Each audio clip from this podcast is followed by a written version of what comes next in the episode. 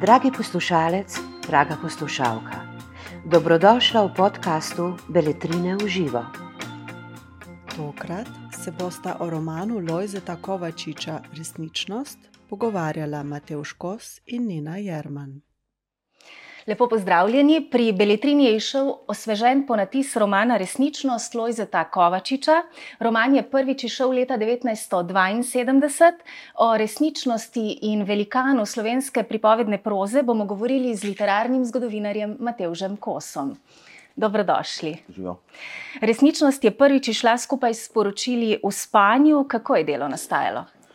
Ja, to je pa kar precej zapletena, po svoje tudi misteriozna zgodba.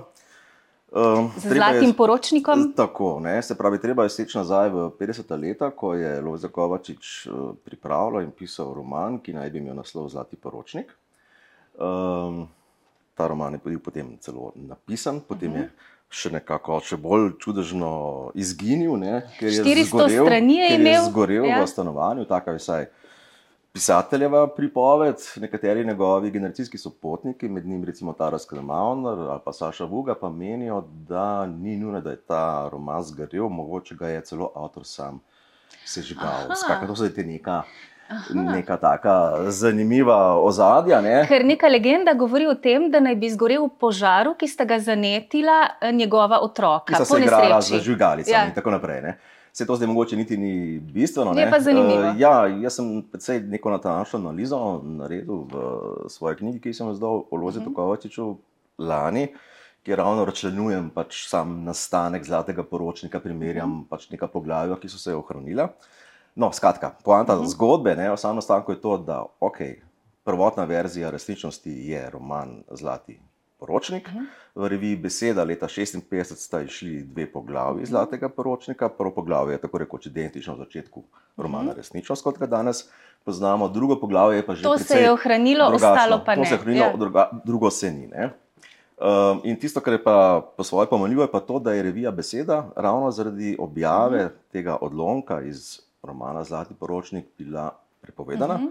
Sam avtor Loza Kovačič pa je bil potem tudi na sodišču procesuiran in sicer se je obtožba glasila nekako tako, da pisatelj zelo namerno prikazuje jugoslovansko ljudsko uh mhm. -huh. armado.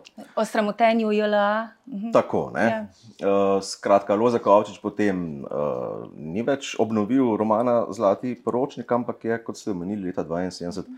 dejansko izdal roman Resnično. Sama tematika je pa seveda podobna, povezana je z. Uh, služenjem vojaškega roka, njegovega recimo, junaka, lahko bi rekli, kar pisatelja samega. S tem, da pa neka bistvena razlika med zlatim poročnikom je pa ta, da zlati poročnik po tej zasnovi, kot jo poznamo tudi iz Kovačičevega lastnega pripovedovanja, naj bi bil roman o nekem oficirju Jugoslovanske ljudske armade, se pravi ta zlati poročnik in neki njegovi. In ljubezenski zgodbi za eno kiparko. Ja. bi lahko rekli, ne? In ta junak, ki ga poznamo iz romana Resničnost, naj bil pa tu nek prevajalec. Ne?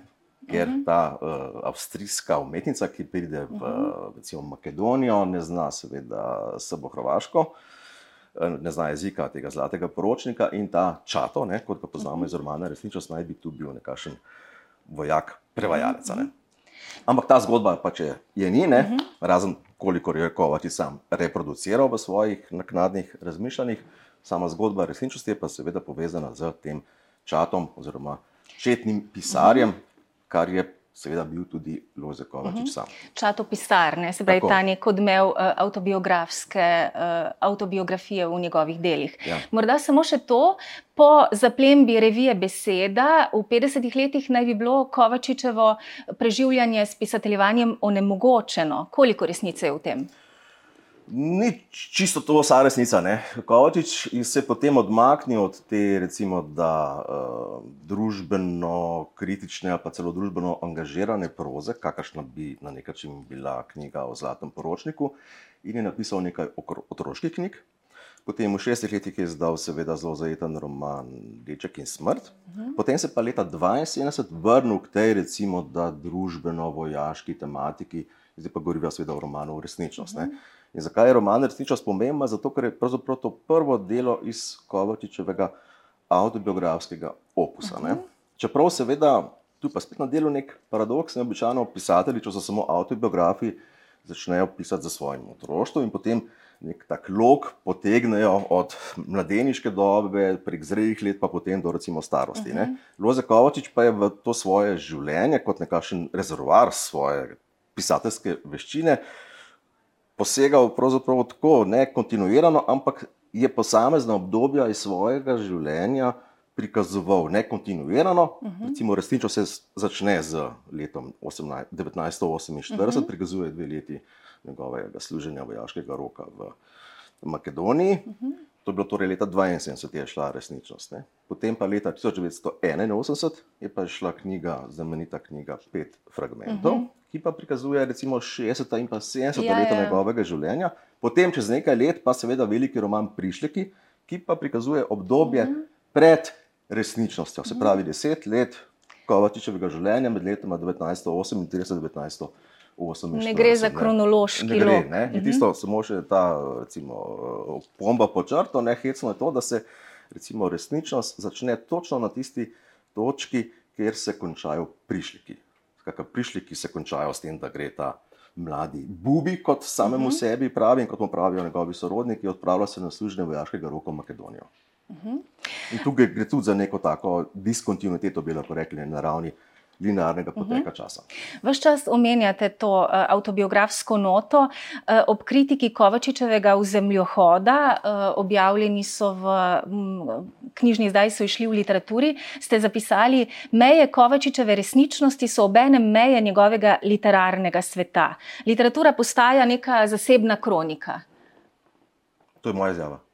Ja. Aha. Pametno se sliši. No, sprašujem, ja, kako ste to nekako ja, se, interpretirali, glede ja, na vaš ja. prejšnji odgovor. Seveda. Ne. Eh, dejansko je večji del Kovačiča literature autobiografski. Uh mhm. -huh. S tem, da pa, kot sem že prej nekako namignil, to ni autobiografija v nekem tradicionalnem pomenu, ampak je tisto, s čimer se Kovačič ukvarja, so pravzaprav fragmenti. Uh mhm. -huh. On vse čas opisuje neke fragmente svoje, recimo, lastne doživljanja, svoje motrenje družbe okrog sebe, svojih najbližjih. In tisto, kar je pri Kovačiču še posebej zanimivo, je pa to, da on je ne samo, da je kritičen do sveta okrog sebe, da zna zelo včasih tudi hodobno, ne, kot se pravi, pisatelji v spodobi, prikazovati ljudi, fenomene okrog sebe, ampak je izrazito. Kritičen tudi do samega sebe. Ne. Skakaj, tu ne gre za neko mitologijo ne. uh -huh. samega sebe, ampak tudi on sam je, bi lahko rekel, neke vrste problem samemu sebi. Ne? In pravzaprav je to njegovo avtobiografsko pisanje vse čas nekako poskus izreči neko resnico o samem sebi, čeprav se hkrati zaveda, da je pisati o samem sebi nekaj takega, kot da bi človek hotel izmeriti kvadraturo nekega svojega življenjskega kroga. Pač, no. mm -hmm. Tako rekoč misija nemogoče. Ne. Mm -hmm. Nekoč je celo zapisal, da je njegovo naravno prepričanje, da je nemogoče in neresnično pisati o katerem koli drugem človeku kot samem sebi. Ja, se to najbrž mm -hmm. pameta. Da se je pa moral uh, soočati s spoštovanjem do dostojanstva tuje intime. Ne. Se pravi, kolikor razgalja sebe tudi do določene mere. Neke, um, do določene mere, včasih pa morda po mnenju kakšnih bolj rahločutnih bralcev, tudi čez mero. Zlasti, ko Kovač opisuje tudi svoje najbližje. Uh mhm, -huh. Mhm. To niti ne velja toliko za romane resničnost, uh mhm. -huh. jasno, ne? ampak zlasti za pet fragmentov, uh -huh. ki je pravzaprav roman o. Kako bi lahko zdaj povedal to lepo, o pisateljevih ženskah. Mm -hmm. To je roman o treh velikih ljubeznih, ki hkrati nekako zanimivo, to, da potekajo paralelno, istočasno, pač ne skakaj njegova razmerja z svojimi uh, življenjskimi, tako rekoč, spremljevalkami. Ne. In tu pa je zdaj, seveda, stvar precej lahko delikatna, ne. do kakšne mere opisovati svojo intimnost, intimnost ljudi, ki jih imaš rad, s katerimi si življenjsko povezan, uh, biti verodostojen, hkrati pa spoštovati ravno to, mhm. recimo, uh -huh. o čemer se včasih ne piše. Ne, uh mhm. -huh. Mislim, da je to, hočeš znovu nekako razrešiti na nek eh, precej eleganten način. Ne. Za kakšne bolj občutljive bralce pa včasih tudi malce že na meji spremljivosti. Ne. Ali pa kot bi danes rekli, so nam ljubo krljatico politične korektnosti. Resničnost je tudi roman o tem, kako deluje posameznik in kako sistem neke mehanske logike oblasti komunistične partije v poznih 40 letih 20. stoletja ali pa v začetku 50. Eh, v Jugoslaviji. V Jugoslaviji. Um, Se pravi, gre za neko pisanje, ki je tako kritična analiza družbe, toliko kot kritična analiza neke uh, osebnosti ali pa zasebnosti, o kateri ste uh, prej govorili. Ja, zdaj pa šane, če je resničnost družbeno kritičen roman v tem recimo, tradicionalnem pomenu besede. Ne? Mislim, da je resničnost bolj roman, ki bi mu lahko rekli, da je to roman o neki recimo, mladi eksistenci, ki skuša izmeriti, uh, recimo, kaj sploh je ta resničnost, v katero jo on hočeš nočeš postaviti. Mhm. -huh. To je seveda resničnost življenja v neki kazenski enoti, kjer mhm. -huh. vojaki čistijo mine. Ne? Zelo zanimiv je prvi stavek romana. Imamo ki roman v bližini? Evo ga, tukaj je. Prvi stavek romana je tak, mislim, to je tak super uvod, se mi zdi. Tak, če bi človek bil profesor kreativnega pisanja, bi rekel, to je pa zdaj stavek, uh, ki je sjajen za vstop v roman. Ne? Sedeli so v dolinici, bilo jih je 20 in čistili granate. Tako vržete noter. Tako, ja, ja. To je pravzaprav neka podobna operacija, ki jo srečujemo tudi v drugih Kovačičevih romanih. Uh -huh. On začne tako, zmeraj in medija sresa, uh -huh, uh -huh. brez nekih teh uh, tradicionalnih uvodov, ne, ki so pri kažkem klasičnem opisu začnejo z opisovanjem vremena na treh straneh. Uh -huh da, da je oktober, je breme to robno, ha, tudi junaki so nekoliko depresivni. Ne. Ja, ja. Ampak Jure Jakob, ki je napisal spremno besedo k tej novi izdaji, um, je nekje omenil, da Kovačič zmeri uh, to, recimo, realnost motri od zunaj. Se pravi, zmeri stoji na robu. Z distance, ne. Vse on z distance gleda tudi na sebe. Uh -huh. Um, in v tem kontekstu je pa zanimivo to, da pravzaprav Kovačič se večkrat sprašuje, kdo sem jaz. Ne. Tudi ta jaz, ne, prvo osebni jaz, ki ga srečujemo v večini njegovih del, razen v resničnosti, ki je mhm. pisano v tretji osebi. Ne? Eh, ta jaz je sam neka uganka. Ne? On pravi, jaz imam več jazov. Ne? Moj prvi, moj drugi, moj tretji jaz, kateri je pa tisti jaz, ki zdaj motri tega junaka ali tretje osebnega ali prvo osebnega. Ne? Skratka, ta jaz, eh, pisateljski jaz ali pa krkovačičev lastni jaz, je tudi za nekakšen misterij, nekaj nedomljivega. Ne? In pravzaprav tukaj je tudi spet nek paradoks na delu. Ne, se mi zdi, da Loze Kovačič je vse svoje življenje pisal eno samo knjigo, knjigo svojega življenja. Ne. S tem, da je pa to življenje, kot sem že nekako uh, poudaril, se dogaja na način fragmenta. Ne. Celota nekega življenja, ki pa jo lahko prikazujemo zgolj skozi neko fragmentarno optiko. Recimo, uh -huh. Mislim, da je to Kovačičev pisateljski kredo in hkrati tudi njegova pisateljska -huh. metoda. In kar je tukaj še posebej v resničnosti vidno, recimo neka ta. Uh, opisovanje neke gole odzivnosti na neposredno okolico, recimo v kazenski enoti ali pa potem, ko je premaknjen v redno vojaško enoto. Ne. Tukaj gre uh, za same take veristične opise. Ne. Zanimivo je, da v resničnosti ni neke psihologije, ne. psihologije ne vem, teh različnih uh mhm. -huh. oseb, karakterjev. Uh, recimo, ko se on srečuje recimo, z dvema ženskama, ne, to so uh mhm. -huh. te znameniti, recimo, seksualno-erotični prizori v resničnosti. Uh, tudi te dve ženski, recimo, jih njega pravzaprav kot recimo, opisovalca, pripovedovalca ne zanima, kot ne, vem, ne zanima ga njuna psihologija, karkoli, ampak samo neka. Recimo, temu zunanjost. Mm. Zanimivo je pa, da je v obeh izrazito neprizanesljiv. Ne? To ni taka, recimo, ljubezenska proza, ne? ki bi govorila o neki zaljubljenosti, ampak ne vem, ena Obe sta opisani z takimi neobičajnimi pridevniki. Ne. Ja, ampak kot da takrat nekako pride ven iz te tančice krivde in strahu, nekako eh, se ja, izkoplje iz tega. V, v seksualnosti, ki je nasplošno zelo pomembna za Kovačičevo pisanje, in to, tu gre tudi seveda za teba odlomka iz uh mhm. -huh. resničnosti, v seksualnosti je njegov junak najbolj pri sebi, ne, bi lahko rekli, najbolj neposreden. Ne. Mhm. -huh. Uh, to pa je povezano tudi z neko, mislim, da Kovačičevo filozofijo življenja. Ne? Mislim, da dve stvari, ki sta bili za manifestacijo svobode, ena je samo pisateljevanje, seveda, ne? druga je pa recimo erotika ali seksualnost. Uh mhm. -huh. In v Kovačičevih knjigah, tudi v kakšnih njegovih, recimo aforističnih ali pa esejističnih delih, srečamo kar nekaj takih čisto uh, manifestativnih sodb o pomenu seksa, erotike za, recimo, za osebno. Mhm.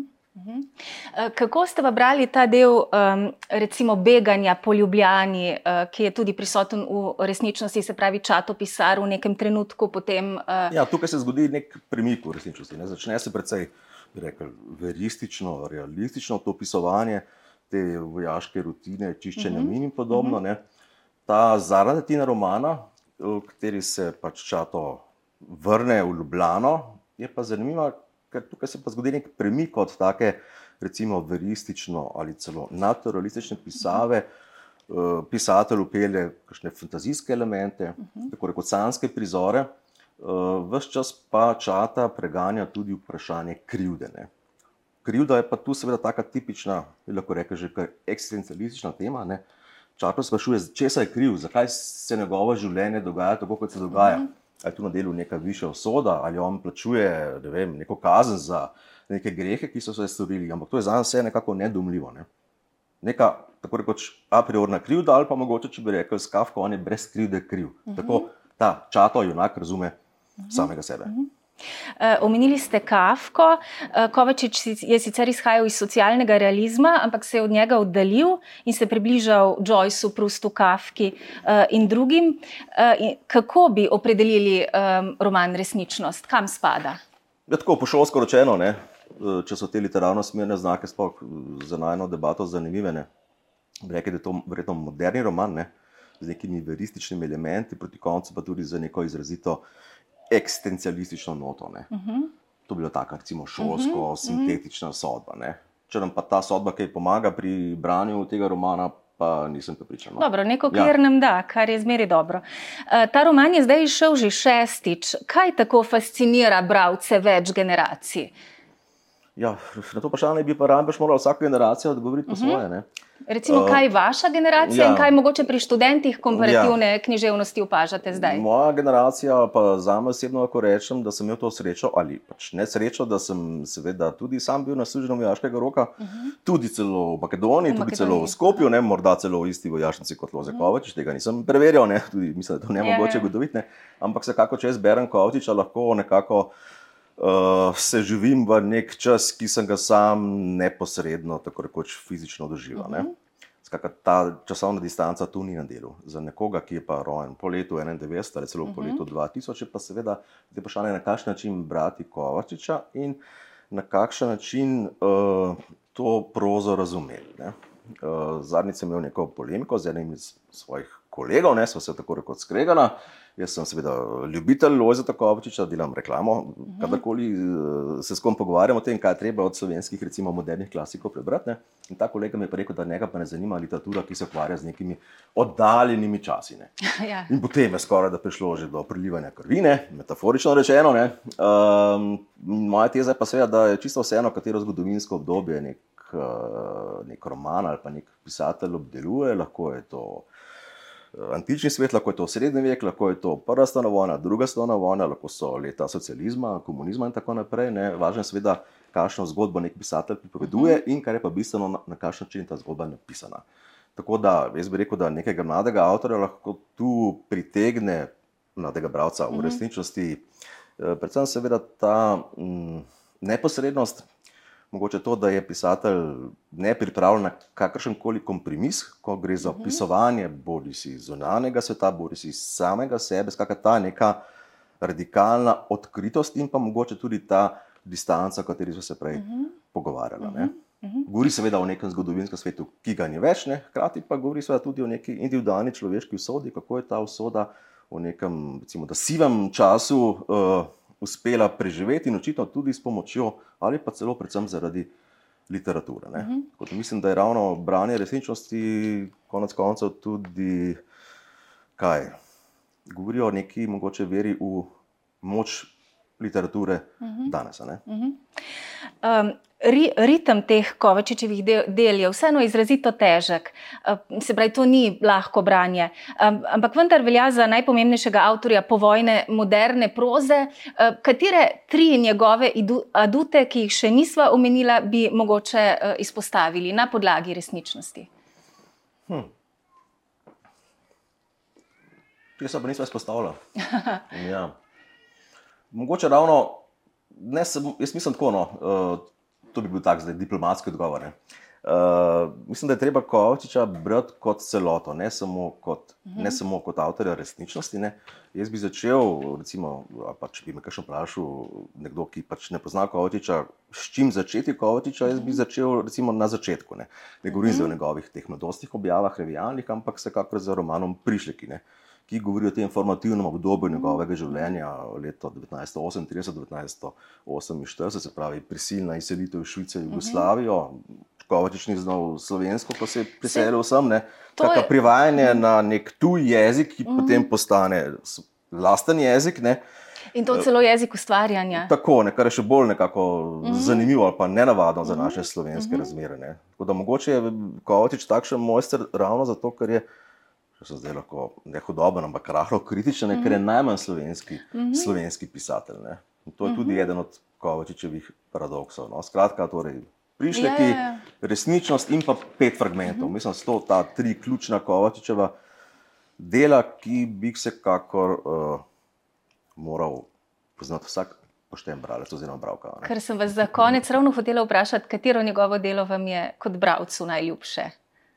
Je to pa niham, ne? niham med temi tremi, ki smo jih zdaj omenili. Tudi mogoče odvisno, kdaj jih berem, v kakšnem, uh mhm. -huh. v kakšnem življenjskem obdobju sem jih uh mhm. -huh. prebral. Ampak mislim, da so to tri dela, ki dajo misliti in seveda tudi zahtevajo še kakšno interpretacijo. Ne? Mogoče bi pa rekel samo še tole, no, da ko sem pregovoril o teh modernih klasikih, ne, uh, mislim, da bi bilo dobro Lojza Takoviča recimo zmeri postaviti še kakšnega drugega slovenskega avtorja in meni prihaja zdaj nam pač na misel Vito Mel Zupan, ne? tudi seveda uh mhm. -huh. slovenski moderni klasik in tudi avtor za Kovčičem, mislim, da drugega največjega avtobiografskega opusa v moderni slovenski uh mhm. -huh. literaturi. Uh mhm. -huh. Tudi to je pač nek tak, recimo, da bravski izziv. Pač, morda, uh, morda tega še nismo omenili, zelo pomemben ali pa zanimiv je opis zavesti malega človeka, ki je vržen v nek svet. Ne? To je. To je res mali človek. Ne? Ja, to pa je zdaj zanimivo vprašanje. Ja, pa je. Škoda, da ne moramo zdaj polemizirati, lahko pa tudi. Ne. Ampak čatopisar je mali človek. Ja, sem mali človek, saj mene ta sintagma mali človek spomne na te recimo slovenske socialne realiste, se pravi Miško Kranec, Ivan Potrč. Aha. Mali človek, je po srcu dober. Ja, ja, ja. In kakšen je literarni žanr, ki ustreza svetu malega človeka, to je povest o dobrih ljudeh. Mislim pa, da recimo resničnost ne, nikakor ni povest o ja, dobrem ja, človeku, ja. tudi vem, te moralni kriteriji, kot je neka moralna sodba ali pa presoja. Pač, ne, mali človek je simpatičen, ker je, Mislim, ker je mali, ker je zapostavljen, ker je ponižen, ker je ražalen. Ja, ja. Ne, ne, mali človek da, v nekem tem. Uh, Da ni socialno v stojanskem smislu, Aha. v kolesju zgodovine. No. To pa ja, ja. V tem smislu. Ja. Um, Sam je to res mali človek. Zato, ker konec koncev, ker je to autobiografska proza, uh -huh. Je to pravzaprav roman torej o samem Lozetu Kovačiču. Uh -huh. Pisan iz njegove, recimo, da mladostne ali pa tiste perspektive, ko je služil v vojaški rok, oziroma ko je bil uh -huh. v kazenskem bataljonu. Ampak glede na živopisnost te govorice, na moč opisovanja, ki jo srečujemo v resničnosti, mislim, da to ni literatura, ki bi jo če zdaj tako preprostim, ne, ki bi jo lahko napisal nek mali človek. Ne, mhm, ampak mhm, nek mhm. človek, ki ima izrazito pisateljsko intuicijo in ki ima tudi neko zmožnost presojanja sveta okrog sebe, hkrati pa seveda bujno fantazijo. Ne. Tako da to je zdaj. Polemika z idejo malega človeka, ne? iz moje perspektive. Ne? No, naj bo to zadnja beseda. Gledalke in gledalci, vzemite v roke resničnost in presodite sami. Najlepša hvala za vašo pozornost. Za več knjižnih vsebin vas vabimo na www.beletrina.si in v našo knjigarno na Starem trgu 3 v Ljubljani.